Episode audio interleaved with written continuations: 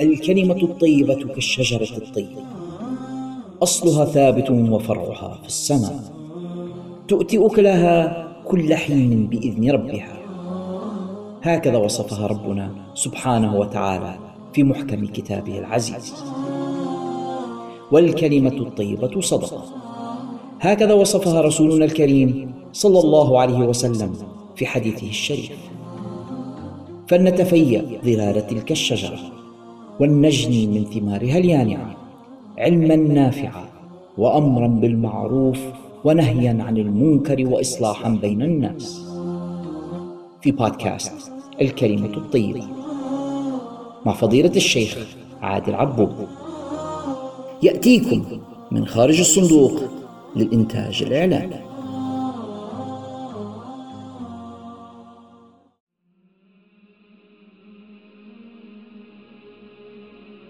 بسم الله الرحمن الرحيم الحمد لله رب العالمين والصلاة والسلام على أشرف الأنبياء والمرسلين سيدنا ونبينا وحبيبنا محمد وعلى آله وصحبه أجمعين اللهم لا سهل إلا ما جعلته سهلا وأنت إذا شئت جعلت الحزن سهلا فسهل لنا كل أمر عسير اللهم افتح علينا حكمتك وانشر علينا رحمتك وأعنا على تقواك وما فيه رضاك يا ذا الجلال والإكرام.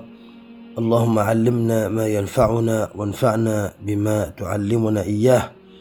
واجعله حجة لنا لا علينا وارزقنا العمل والإخلاص والصدق مع العافية التامة الدائمة لنا ولأهالينا وأحبابنا وبلادنا والمسلمين. آمين. إخوتي المستمعون السلام عليكم ورحمة الله تعالى وبركاته. وهذه الحلقة الخامسة والثلاثون من برنامجكم الكلمة الطيبة. ونعتذر عن الأسابيع الماضية ذلك بسبب بعض الظروف كالمرض وغيره. فنرجو من المولى القبول والإخلاص والإعانة إنه ولي ذلك والقادر عليه. وكالعادة نبتدئ بالفقرة الفقهية.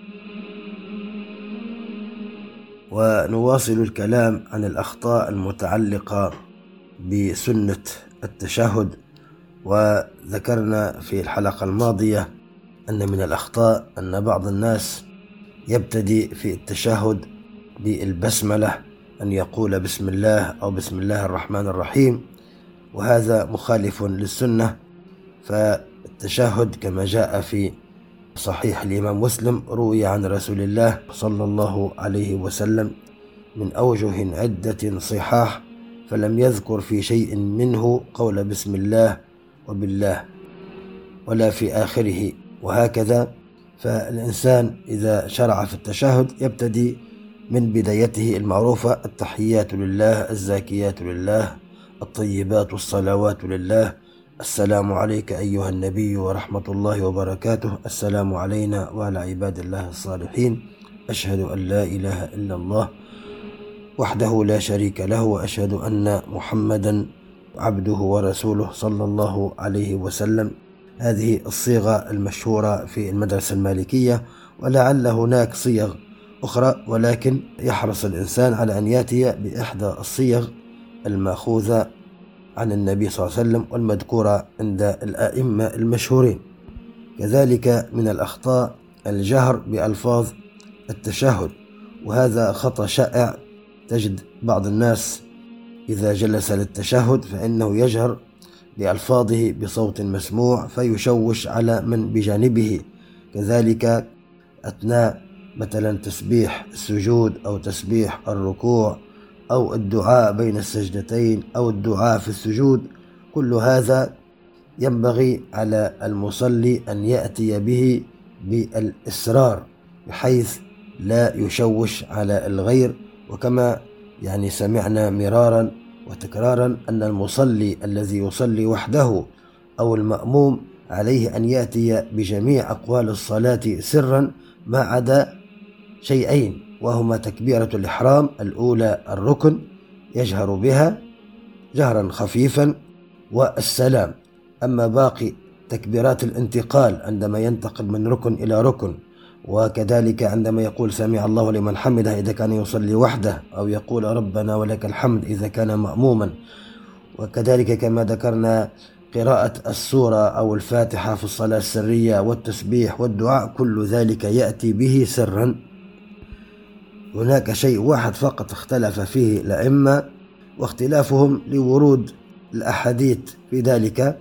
فعند الإمام مالك وفي المدرسة المالكية يستحب الإصرار أيضا بالتأمين أن يقول المأموم آمين سرا. هذا في المدرسة المالكية وأيضا هناك بعض الأئمة الآخرين.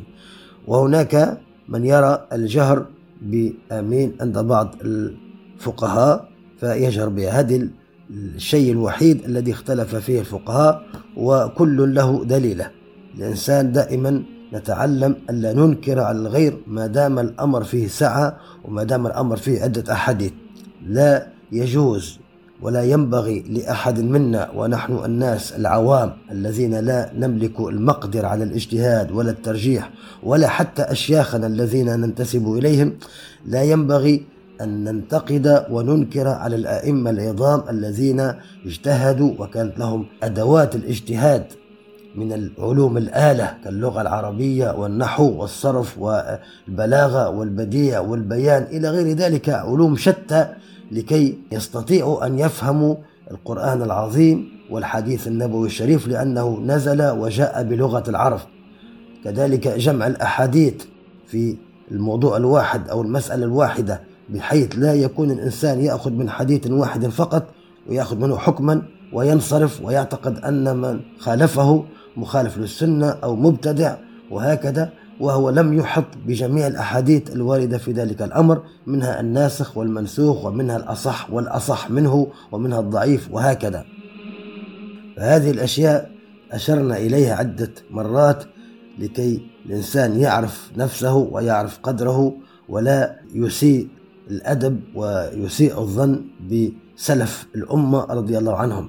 فالأئمة عندما اختلفوا في هذه الأحكام وقالوا هذا الأولى أو هذا الأفضل أو هذا الواجب وخالفهم مثلا غيرهم من الأئمة الذين أجمعت الأمة على إمامتهم فهذا بسبب اختلاف الآثار والأدلة وكيفية الفهم وهذا شيء مشروع أقره النبي صلى الله عليه وسلم كما سمعنا في عدة مناسبات.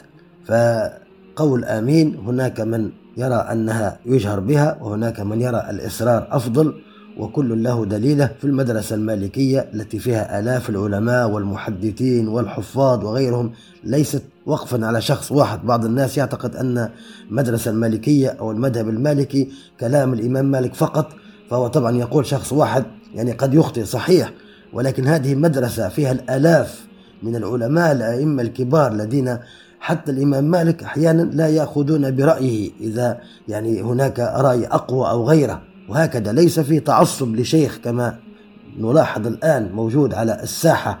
ليس هناك تعصب بدون علم والجهل المركب.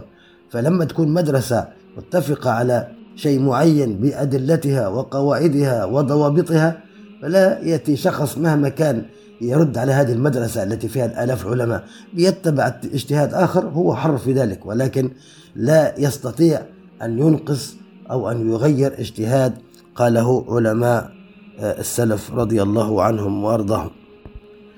كذلك من الأخطاء الشائعة بين المصلين الأخطاء المتعلقة بالسلام. هناك من يسلم فيشير باليد.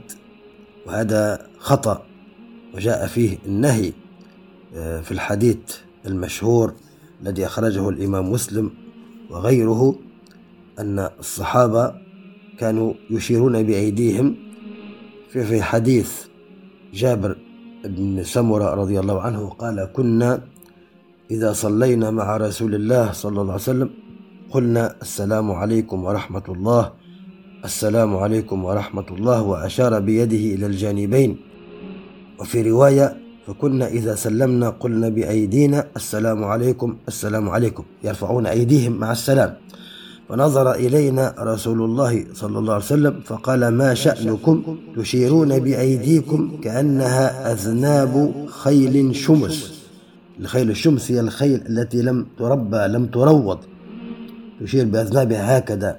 يعني كأن فيها خفة فيها يعني عدم ثبات عدم وقار. إذا سلم أحدكم فليلتفت إلى صاحبه ولا يومئ بيده. وفي رواية إنما يكفي أحدكم أن يضع يده على فخذه ثم يسلم على أخيه على يمينه وشماله. فالشمس من الدواب هو كل ما لا يستقر منها. وهكذا علمهم النبي صلى الله عليه وسلم. منذ ذلك الحين أصبحت هذه هي السنة وهي المعروفة أن الإنسان إذا سلم من الصلاة لا يرفع يديه. بعض الناس من يأتي بحركة أيضا وهو أنه يضرب بيديه على فخذيه عندما ينهي التشهد. حتى ولو كان يصلي مأموما يضرب بيديه وكأنه يومي إلى أنه قد أكمل التشهد. أيضا هذه الحركة مخالفة للسنة وقال بعض العلماء أن الشيعة يفعلونها لعلها تسربت من بعض الشيعة إلى بعض الناس فالإنسان عليه أن يحرص على هذا الأمر وأن يأتي بالصلاة كما صلاها رسول الله صلى الله عليه وسلم. كذلك من المسائل الهامة في موضوع السلام هو أن بعض الناس من يعتقد أن التسليمة الواحدة لا تجزي إذا صلى خلف إمام مثلا أو سمع شخصا يصلي ثم سلم تسليمة واحدة عن يمينه بأن قال السلام عليكم وهو يعتقد أن صلاته ناقصة أو باطلة وهكذا. وهذه مسألة فقهية خلافية أيضا. فالمشهور عند الإمام مالك وعند كثير من أئمة السلف كما ذكرت أن التسليمة الواحدة هي الركن.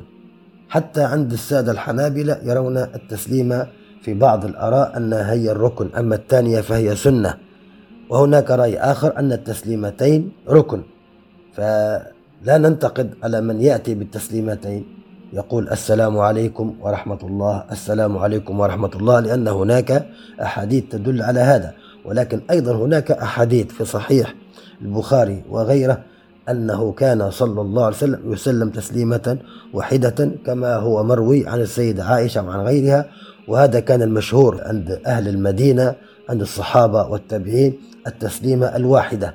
والإمام مالك لأنه كان في المدينة وعاش فيها فأخذ هيئة الصلاة عن أبناء الصحابة وهكذا عن التابعين أخذها عنهم فكانوا يسلمون تسليمة واحدة يبدأونها تلقاء أوجههم تلقاء القبلة. يقول السلام عليكم والكاف المام يأتي بها بالتفاتة خفيفة لأنه كان صلى الله عليه وسلم إذا سلم ترى صفحة وجهه بمعنى التفاتة خفيفة. بعض الناس يلتفت التفاتة كبيرة جدا حتى أنه يرى من وراءه ولكن هذه لم ترد هي حتى يرى صفحة وجهه كما جاء في الحديث. أما التسليمتان فقد وردتا في بعض الأحاديث فلا ننكر على ذلك ولا ننتقد وأخذ بها بعض الأئمة كالإمام أحمد بن حنبل ولكن كما ذكرت صفة الصلاة أخذها الإمام مالك عن أبناء الصحابة وأبناء الأنصار الذين كانوا في المدينة فهي تسليمة واحدة. فأحببت أن أنبه على هذا لأن بعض الناس يعتقد أن التسليمة لا تجزي وأن الصلاة باطلة مع أنها هي الأشهر والأقوى في السند. الأوقف في السند لأن هي المأتورة عن فعل الصحابة وعن آخر فعله صلى الله عليه وسلم لأنه الصحابة أخذوا آخر ما انتقل عليه رسول الله. آخر شيء قبل انتقاله هو الناسخ لجميع الأشياء الأخرى. أما الأحاديث التي وردت في التسليمتين وبلغت إلى أصحاب المذاهب الأخرى كالإمام أحمد مثلا فهي أحاديث صحيحة ليس عليها غبار ولكن لا تقلل من قيمة الأحاديث التي وردت في التسليمة الواحدة وفي قيمتها سواء كانت أحاديث قولية أو عملية. دائما نحرص جميعا على أن لا نفرق بين وحدة المسلمين وبين محبتنا لبعضنا البعض بسبب هذه المسائل الفقهية التي لم تؤثر أبدا على محبة السلف الصالح والأئمة لبعضهم البعض واحترامهم وتعظيمهم وتقديرهم لبعضهم البعض رضي الله عنهم وأرضاهم. كذلك من الأخطاء المتعلقة بالسلام أن بعض الناس وإن كان هذا قليل يظن أنه إذا كان في التشهد ولم يسلم بعد لم يخرج من الصلاة وخرج منه ريح مثلا أو انتقد وضوءه أن صلاته صحيحة وهذا القول مخالف لما عليه الجمهور. صحيح هناك رأي فقهي لبعض الفقهاء أن الإنسان ما دام جلس للتشهد حتى لو خرج منه ريح فصلاته صحيحة ولكن هو قول ضعيف خالف جمهور العلماء ويدل على ذلك الحديث الماضي الذي ذكرناه في التشهد وأن السلام ركن من أركان الصلاة فالإنسان لو أحس بأنه في حاجة ويخشى أن يخرج من الريح فيتجوز في صلاته يعني يأتي بالتشهد خفيف ويسلم حيث يتحصل على ركن الصلاة والله ورسوله أعلم. في الفقرة الوعظية أحببت أن أتكلم عن أمر مهم جدا وخطير. وخلق والعياذ بالله أصبح شائعا بين المسلمين صغارهم وكبارهم يجري على ألسنتهم دون مبالاة ودون توقي وهو والعياذ بالله سب الدين وسب لفظ الجلالة وذات الله تعالى الله وتبارك عما يقول الظالمون علوا كبيرا أصبح الصغار أبناءنا صغار في السن يسبون الدين ويعتقدونه أمر هين ويعتبرونه من أسباب أو من علامات الرجولة كذلك الكبار. وأحيانا حتى النساء والعياذ بالله. وبعضهم من يستهتر بهذا الأمر جدا وبعضهم من يتعلل ويعتذر بالخصومة أو الغضب. أو العناد وهذه كلها أعذار وهي ليست لها قيمة أبدا. الغضب بعض الناس يعني ذات مرة نصحته سب والعياذ بالله لفظ الجلالة وقلت له يعني كيف تسب الله سبحانه وتعالى؟ وهو ربنا الذي خلقنا. نتعذر بالغضب. قال كنت في حالة غضب جدا. وهذه المسألة كانت قديمة في ممكن تسعينيات القرن الماضي. فقلت له لو كنت غاضبا حقا وكنت راجل سب الحاكم القذافي في ذلك الفترة. سب إذا كنت لأن القذافي لا تستطيع أن تسبه. أنك تعلم أنه مجرد أن تنتهي من السب تجد نفسك وقد قبض عليك لجان التورية وتم حتى إعدامك. ولكن لأن المولى الكريم سبحانه وتعالى الحليم الذي يحلم علينا ويرزقنا ومهما فعل الكفار ومهما فعلنا لا ينتقم منا في الحين بدل أن نبادل هذه الرحمة وهذا الكرم وهذه الخيرات وهذه النعم الإنسان يستحي من نفسه. بدل من هذا نسبه والعياذ بالله. وهذه صفة اللئيم لأن كان يستغل في كرم الكريم. أنت لا تحب أن يستغلك أحد. فكيف تفعل هذا مع المولى الكريم العظيم سبحانه وتعالى؟ هذا الأمر والعياذ بالله. كان الرجل في من مضى كما أخبر النبي صلى الله عليه وسلم في الحديث الصحيح يحفر له في الأرض ويجعل فيه فيجاء بالمنشار فيوضع على رأسه فيشق باثنتين وما يصده ذلك عن دينه ويمشط بأمشاط الحديد ما دون لحمه من عظم أو عصب وما يصده ذلك عن دينه كما جاء في البخاري. يعني يفعل به هذا العذاب الشديد الذي ذكرناه أنه يسلخ لحمة عن عظمة وأنه يقسم قسمين ومع هذا لا يكفر ولا تخرج منه كلمة الكفر مع أن هناك الرخصة. هناك الرخصة أنه يستطيع أن يقول كلمة الكفر لكي ينجي نفسه من هذا العذاب وقلبه مطمئن بالإيمان. ولكن مع هذا أبدا أبدا لا يقولها. ونحن الآن تجد أطفال صغار في اللعب يسبون ويكفرون والعياذ بالله. سب الدين وسب الجلالة من الكفر. يجب أن نعلم هذا. من الكفر بإجماع الأمة. سب الدين وسب الجلالة سب القرآن سب المصحف وهكذا. من الأشياء التي توجب الردة والعياذ بالله. وبعضهم من يقول ذلك مستهترا عدوانا تعديا دون سبب. ما فيش حتى غضب ولكن هكذا. السبب الوحيد هو أن الله أنعم عليه بالنعم هذه الجليلة العظيمة التي لا تعد ولا تحصى يتقلب فيها ذات اليمين وذات الشمال. لو رب العزة عقبه ولو بأمر بسيط بحبس البول لأخذ يتلوى كالإفعى من الألم. ولكن هكذا الإنسان قتل الإنسان ما أكفره. فيقابل ذلك الإحسان العظيم بهذه الندالة والضعة لا تجد وصفا تصف به. ولهذا جعلت الشريعة هذا الأمر إن كانت الشريعة قائمة وعلى أصولها والحاكم يحكم بأمر الله جعلت جزاء هذا الشخص المرتد بكامل قواه العقلية وبدون أي سبب وهكذا استهتار والعياذ بالله تعدي وفجاجة جعلت عقوبته هو القتل. من بدل دينه فاقتلوه قال صلى الله عليه وسلم. قال تعالى ومن يشرك بالله فكأنما خر من السماء فتخطفه الطير أو تهوي به الريح في مكان سحيق الشرك هنا بمعنى الكفر بجميع أنواعه. في كأنما خر من السماء يتوقع نفسك أنه في طائرة وخر من السماء. كيف تكون حالته؟ وخطفات الطير وهوت به في مكان سحيق وهذا يعني عذاب بسيط. ناهيك عن عذاب الآخرة والعياذ بالله. هذا الشخص ألا يخاف أن رب العزة يأخذه في تلك اللحظة؟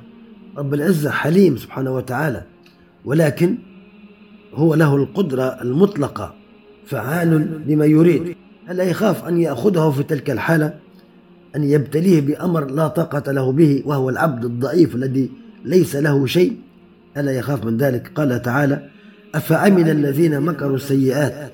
أن يخسف الله بهم الأرض أو يأتيهم العذاب من حيث لا يشعرون أو يأخذهم في تقلبهم فما هم بمعجزين أو يأخذهم على تخوف فإن ربكم لرؤوف رحيم. سبحانه وتعالى من رأفته ورحمته أن أمهل الظالم حتى يعود. ولكن لا يجعل هذا الأمر يعني ديدنا والعياذ بالله أو أنه لا يقيم له وزنا.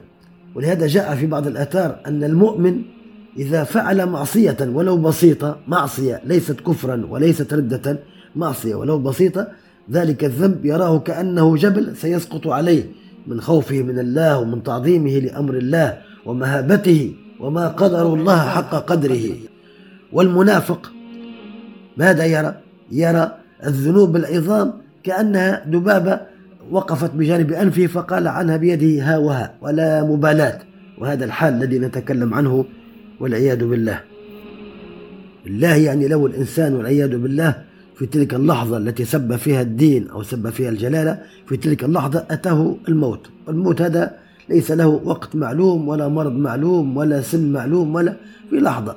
فإذا جاء أجلهم لا يستأخرون ساعة ولا يستقدمون. لو جاءه الموت في تلك اللحظة وهو على تلك الحالة من الكفر والردة والعياذ بالله دعنا من عقوبة الدنيا. لو جاءه في تلك اللحظة فهو مخلد في النار.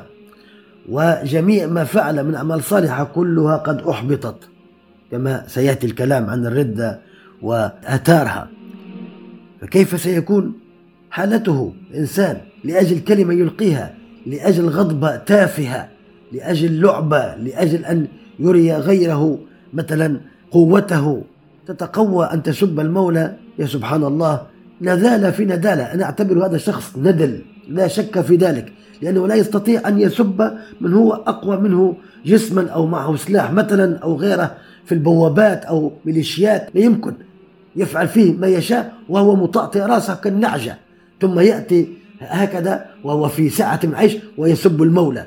انظر إلى هذه الندالة إنسان يستحي الشخص اللي عنده ولو حتى ما عندهش دين ولو عنده مروءة يستحي من أن يعني يعامل مولاه العظيم الذي أكرمه بهذه النعم الوفيرة نعمة الإسلام ونعمة العافية أن يقابله بهذا الإسفاف وهذه الندالة والعياذ بالله. قال تعالى يخبر عن أهل الكفر وحالهم والعياذ بالله. إن المجرمين في عذاب جهنم خالدون. لا يفتر عنهم وهم فيه مبلسون. وما ظلمناهم ولكن كانوا هم الظالمين. ونادوا يا مالك ليقضي علينا ربك. قال إنكم ماكثون. ماكثون مقيمون إلى ما لا نهاية. وقال سبحانه ويأتيه الموت من كل مكان وما هو بميت. عذاب عذاب الموت ولكن مع هذا لا يموت لأنه ليس هناك موت في النار وليس موت في الجنة. اللهم اجعلنا من أهل الجنة وأجرنا من النار. وقال تعالى مأواهم جهنم كلما خبت زدناهم سعيرا. يقول ابن عباس رضي الله عنه يطلبون الموت بأن يقبض الله أرواحهم ليستريحوا فيجيبهم الملك بعد ألف سنة من الانتظار في العذاب إنكم ماكثون. فحذار أخي المسلم حذار من قول أو فعل هذه عاقبته وهذا مصيره واحسب لفلتات اللسان ألف حساب. جاء في الحديث قوله صلى الله عليه وسلم وهل يكب الناس في النار على وجوههم أو على مناخرهم إلا حصائد ألسنتهم؟ اللسان هذا لعلنا بإذن الله نفرد له يعني نصيحة في أخطائه والمعاصي التي تكون بسبب اللسان وما أكثرها. اللسان هو يعني يدخل الإنسان الجنة أو النار. ولكن بدأنا بأشد شيء وهو الردة.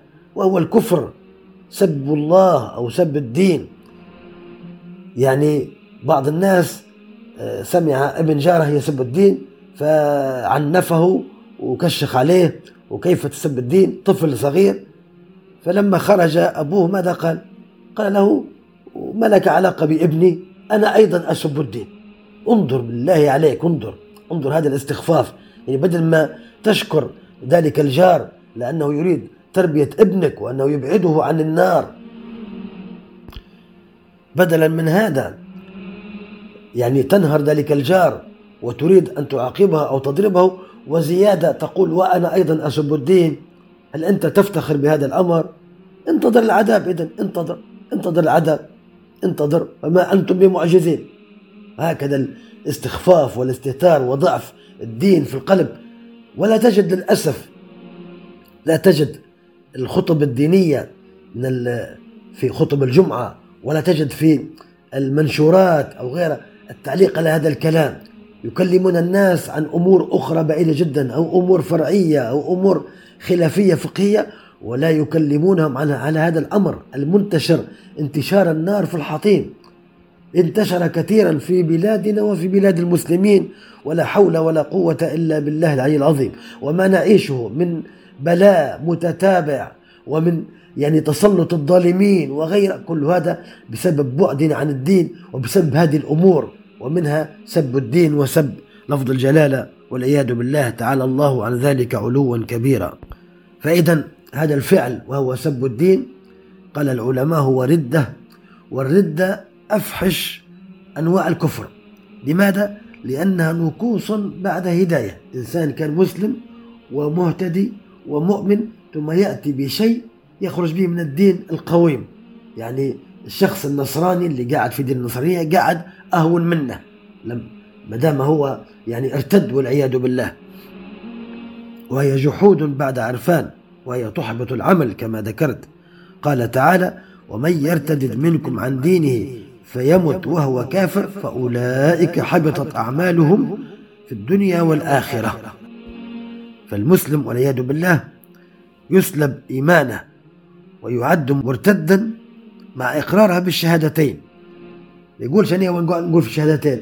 الشهادتان إذا جاء معهما شيء كسب الدين كسب الجلالة كسب المصحف كإلقاء المصحف في القاذورات كإهانة مثلا المصحف أو إهانة المسجد وهكذا هذه الأشياء أو السخرية أو سب النبي صلى الله عليه وسلم. هذه الأشياء توجب الكفر ولو الإنسان يقول الشهادتين بنص القرآن. لأن الشهادتين ينفعان المؤمن ويخلدانه في الجنة إذا لم يكن هناك ما يعني ما يعارضهما ما ينقضهما. والكفر يكون بواحد من أشياء. إما لفظ صريح في الكفر كالسب والشتم للدين أو لله عز وجل أو لفظ غير صريح ولكنه يقتضي الكفر مثل إنكار ركن من أركان الإسلام المعروف الذي لا يجهله أحد مثل الصلاة يقول ليست بفرض هكذا عنادا ورد الأمر على الآمر وعلى المولى أو الزكاة أو الحج يقول أنها غير واجبة.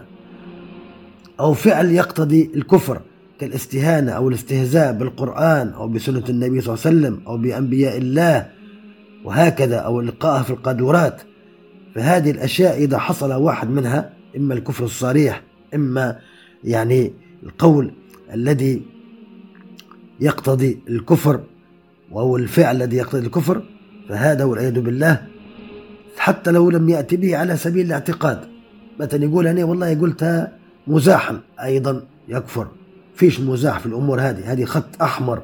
هل هل ترضى أن حد يمزح معك ويرمي مثلا أمك بالفاحشة؟ أو زوجتك هل ترضى هذا المزاح فإذا كان هذا أمر من أمور الدنيا وهو ممنوع وحرام قذف محصنات لم ترضه وكيف تمزح في أمور الدين والذات العالية المقدسة.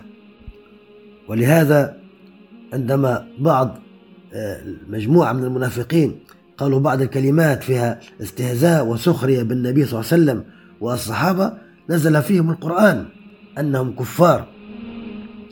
قال تعالى ولئن سألتهم ليقولن إنما كنا نخوض ونلعب. قل أب الله وآياته ورسوله كنتم تستهزئون. لا تعتذروا قد كفرتم. الآية 65 من سورة التوبة. قال تعالى وجحدوا بها واستيقنتها أنفسهم ظلما وعلوا معنى عنادا ومكابرة. هم مؤمنين بالداخل ولكن جحدوا الدين بالعناد. فالعناد أيضا يسبب الكفر والعياذ بالله سواء المزاح سواء السخرية سواء العناد سواء الغضب. تظهر أقوال من الإنسان فهي تسبب الكفر وتخرجه من الملة ويحبط عمله والعياذ بالله. كذلك مما يسلب الإيمان ويوجب الكفر وصف الله تعالى بما لا يليق بكماله كمن يصفه تعالى بالظلم أو الاستبداد. أو مشابهة الناس يشبهه يشبه أفعالا بأفعال الناس أو ذاته أو صفاته. قال تعالى ليس كمثله شيء. كذلك يصفه بالعجز أو عدم القدرة على النصرة تصريحا أو ضمنا. يعني حدثت شخص تخاصم مع شخص فقال له قال له خلي ربك ينفعك وخلي ربك يجي ينصرك والعياذ بالله. هذا كلام كله كفر. أو قال له لو كان ربك هنا لأصابه ما أصابك. هذه قالها شخص من الاستخبارات في بعض الدول العربية يعذب إنسانا في السجن فذلك الرجل قال له يعني أنا مظلوم ورب العزة يعني آه، نهاك عن الظلم. قال له لو كان ربك هنا لأصابه ما أصابك. قمة الاستخفاف هذا العبد الحقير الضعيف الذي لو أتته ناموسة لا, لا قتلته كما حدث مع النمرود. ولكن هكذا قتل الإنسان ما أكفره. كذلك فإن الردة ببعض الأشياء التي ذكرناها كما تقع من البالغ تقع من الصبي العاقل قبل البلوغ. عندما يميز التواب من العقاب والقرب من المعصية فهو أيضا يعتبر مرتد والعياذ بالله لما يسب الدين أو يسب الخالق. لماذا؟ لأن إسلامه صحيح. إسلامه صحيح. وبالتالي فردته أيضا. فهو عام في البالغ وغير البالغ. ولذلك يعني قيل أن أول من أسلم من الرجال أبو بكر ومن الصبيان علي. وتترتب على ردة الصبي أحكام الدنيا فلا يورث إذا مات ولا يغسل ولكن لا يقام عليه الحد إن لم يتب. كذلك السكران أيضا تلزمه الردة فإن مات حال سكره مات كافرا والعياذ بالله. وإن أفاق يستتاب فإن تاب وإلا قتل. السكران أيضا لا يتحجج بأنه كان فقد الوعي.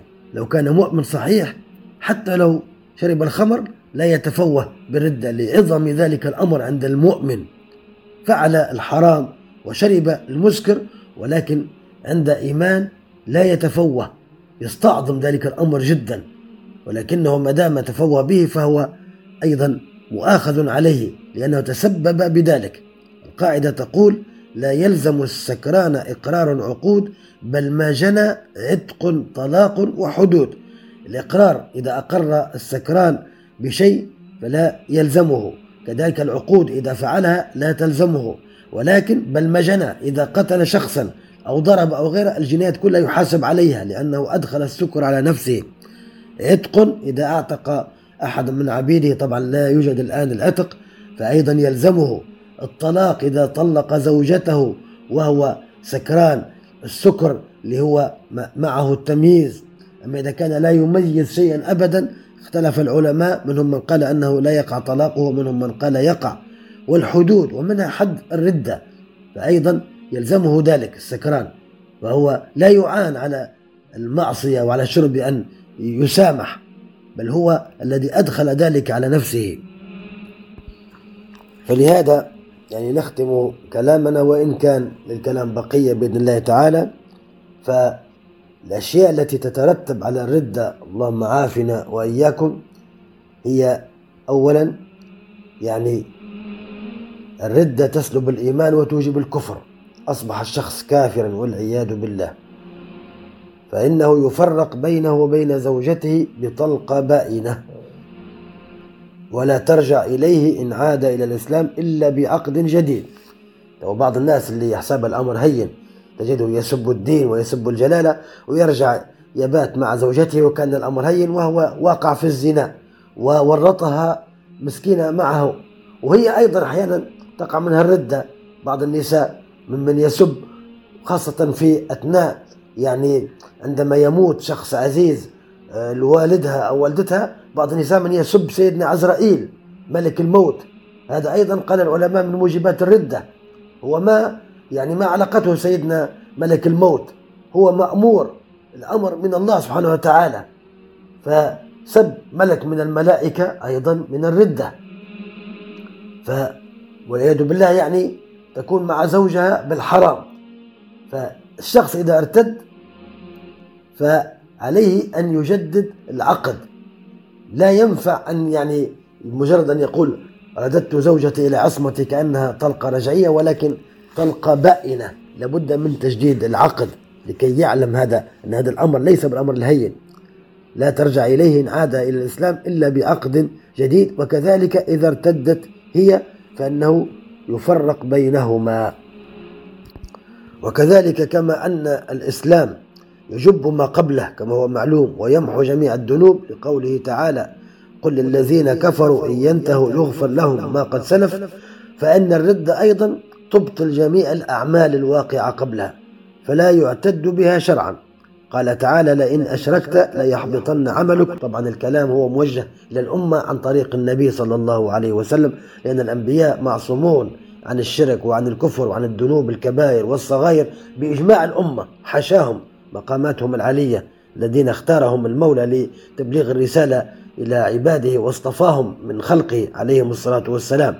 ولكن هذا الكلام إلى الأمة أن الشرك والكفر يحبط العمل. وقال تعالى ومن يكفر بالإيمان فقد حبط عمله وهو في الآخرة من الخاسرين فتبطل أعمال المرتد السابقة. كلها التي قبل الردة من صلاة وزكاة ونذر وكفارات وأيضا وصية ولا تواب له فيما عمل منها ومن سائر الطاعات وتبطل الردة الحج. فمن حج وارتد عليه أن يعيد حجة الإسلام. يقول شني حجيت؟ من جديد بيقدم في القرعة ومن جديد وكأنه يعني عنده استطاعة ومحجش الأمر ليس بالهين يا أخواننا يعني أمر عظيم عظيم عظيم. كذلك عقد الشركة ينتهي بارتداد أحد الشريكين عقد المضاربة عقد النكاح والمرتد لا يصح عقد نكاحه وتحرم ذبيحته ولا يرث ولا يورث ولا يصلى عليه ولا يغسل ولا يكفن ولا يدفن في مقابر المسلمين. ما له في للمسلمين؟ يدفن في مقابر الكفار والعياذ بالله. كل هذا إذا أصر طبعا على الردة ومات في تلك اللحظات إذا تاب هناك يعني حد يقام عليه وإن لم يقم يستغفر ويتوب ويأتي بالشهادتين. وإذا كانت عند زوج عليه أن يجدد العقد وعليه أن يحذر من هذا الأمر العظيم عليه أن يعني أمر لا توازيه السماوات والأرض ليس بالأمر الهين. ما من إنسان ما حصل له من مشاكل من غصائص من أمور من هموم ولو ضرب ولو سجن ولو أخذ ماله ولو فعل فيه ما فعل لا يساوي الردة والعياذ بالله. وللكلام بقية حمانا الله وإياكم جميعا وصلى الله على سيدنا محمد وعلى آله وصحبه وسلم. في الفقرة الثالثة وهي فقرة الأخلاق العظيمة والشمائل الحميدة والخصال المجيدة للحبيب الأكرم صلى الله عليه وسلم.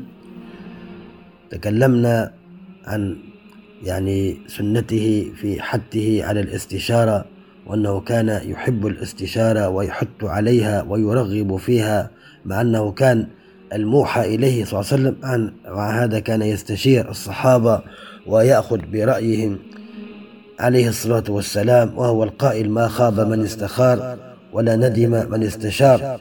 وأيضا من سنته أنه كان يصوب الرأي الحسن ويعمل بمقتضاه كما وقع في عدة مواقف كما في غزوة بدر وفي يوم قريضة والنظير لما نزل وحاصرهم صلى الله عليه وسلم قام إليه أحد الصحابة اسمه الحباب بن المنذر فقال أرى أن ننزل بين القصور فنقطع خبر هؤلاء عن هؤلاء وخبر هؤلاء عن هؤلاء.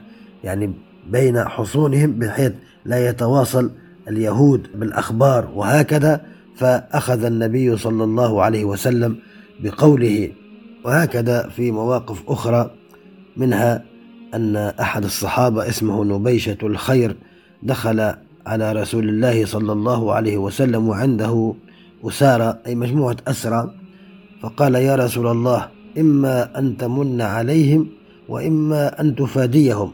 يعني إما يعني أن تطلقهم هكذا لوجه الله تمن عليهم تسامحهم وإما أن تطلب الفدية. فقال صلى الله عليه وسلم أمرت بخير أنت نبيشة الخير. انظر يعني مع أن الأمر هو كان في دهن النبي صلى الله عليه وسلم ولكن لما يأتي شخص ثاني ويقول ذلك الكلام الذي فيه رحمة الذي فيه حكمة يشجعه صلى الله عليه وسلم ويصوب رأيه.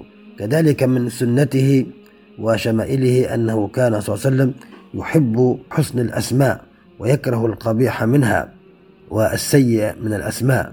وفي ذلك تكريم للمسلم أن يعرف باسم قبيح أو ينادى به أو يوضع عليه اسما أو لقبا أو كنية قبيحة. روى الطبراني وأبو يعلى عن حنظلة بن حزيم رضي الله عنه أن النبي صلى الله عليه وسلم كان يعجبه أن يدعى الرجل بأحب أسمائه إليه وأحب كناه. يعني الاسم الذي يحبه الشخص تناديه به أو كنية. لا تناديه باسم لا يحبه أو يستهجنه أو يبغضه. هكذا كأنك تؤلمه وتؤديه لأن المنادات بأحب الأسماء فيه من التكريم والتحابب والتواصل وإدخال السرور على أخيك المسلم. وأمر النبي صلى الله عليه وسلم بتحسين الأسماء. قال صلى الله عليه وسلم إنكم تدعون يوم القيامة بأسمائكم وأسماء آبائكم فحسنوا أسماءكم. وهكذا أنه يدعى يوم القيامة يعني باسم الإنسان فالأفضل أن يسمي ابنه اسما حسنا. وهو أيضا لو كان اسمه غير حسن قبيح غير ما فيش بأس أن أن يغيره. وهكذا رسول الله يعني غير بعض الأسماء التي كانت غير آه، جميلة غيرها إلى أسماء يعني حسنة. فعن ابن عمر رضي الله عنهما أن ابنة لعمر كان يقال لها عاصية. اسمها عاصية كان يسمون العرب هذا الاسم فسماها رسول الله صلى الله عليه وسلم جميلة كما أخرجه الترمذي وقال حديث حسن. وقال صلى الله عليه وسلم تسموا بأسماء الأنبياء. وأحب الأسماء إلى الله عبد الله وعبد الرحمن وأصدقها حارث وهمام وأقبحها حرب ومرة. فأسماء الأنبياء كذلك عبد الله وعبد الرحمن أو اسم محمد صلى الله عليه وسلم الأسماء الجميلة التي فيها يعني إحياء لذكر. كما كان بعض الصحابة سيدنا الزبير بن العوام كان يسمي أبنائه بأسماء الشهداء لكي يستشهدوا في سبيل الله. انظر النظرة التي كان ينظرها الصحابة رضي الله عنهم. كذلك أصدق الأسماء حارث وهمام. لماذا هذا أصدق الأسماء؟ لأن جميع الناس يحرثون يعملون إما في الخير وإما في الشر. هكذا. فصادق الاسم يصدق على مسماه سواء كان يعمل في الخير يحرث في الخير وله الخير طبعا النتيجة وإما يحرث في الشر والعياذ بالله. كذلك همام. كل إنسان يهم بمعنى يعني يهم مرة بعد أخرى وكل إنسان لا ينفك عن هذين وأقبح الأسماء حرب ومرة. وهكذا يعني سماها صلى الله عليه وسلم أقبح الأسماء. فخلاصة الكلام أن النبي صلى الله عليه وسلم يأمرنا بأن ننادي أو ينادي بعضنا بعضا بأحب الأسماء وأحب الألقاب وهكذا. طبعا محرم التنابز بالألقاب كما هو مذكور في الآيات القرآنية ولكن يعني من تمام محبة أخيك المسلم أن تلقاه بالبشر وأن تبتسم في وجهه وأن تحب له ما تحب لنفسك. قال صلى الله عليه وسلم من لقي أخاه المسلم بما يحب ليسره بذلك سره الله عز وجل يوم القيامة. يعني لما الإنسان ينادي أخاه المسلم بالاسم الجميل ويبتسم في وجهه وهكذا كانت يعني طريقة الصحابة المصافحة والاهتمام والإكرام لبعضهم البعض بنية إدخال السرور على أخيك المسلم. فالنتيجة والجزاء هو أن الله يسرنا يوم القيامة. وهذا أيضا من موجبات المغفرة كما جاء في الحديث إن من موجبات المغفرة إدخالك السرور على أخيك المسلم. فيا ليتنا نقتدي بهذه الصفات وهذه الشمائل وهذه السنن العظيمة وننشرها فيما بيننا في علاقاتنا وفي أهالينا. وهذه السنن المهجورة التي أصبحت الآن العلاقة كلها مبنية على المصلحة. الشخص اللي له عندي مصلحة أو غيره وعامله معاملة خاصة أما باقي الناس فلا أهب بهم سواء كانوا ناس صالحين مسلمين طائعين فلا الأمر ذلك لا يعنيني. وهذا بعيد عن خلق الإسلام وبعيد عن سنة النبي صلى الله عليه وسلم عليه الصلاة والسلام. ولهذا الحديث بإذن الله تعالى بقية وأستودعكم الله الذي لا تضيع ودائعه. والسلام عليكم ورحمة الله تعالى وبركاته. إذا كانت هذه الحلقة قد نالت رضاكم واستحسانكم فلا تبخلوا علينا رجاء بترك علامة الخمس نجمات في التطبيق الذي تستمعون إليها من خلاله. وإذا كنتم تستمعون إليها من خلال يوتيوب فلا تنسوا النقر على زر الإعجاب وتشاركها مع أصدقائكم ومعارفكم على وسائل التواصل الاجتماعي كي تعم فائدتها وتصل أكبر عدد من المستمعين. لا تنسونا رجاء من صالح دعائكم. بارك الله فيكم. جميع حقوق هذا العمل محفوظة لخارج الصندوق للإنتاج الإعلامي.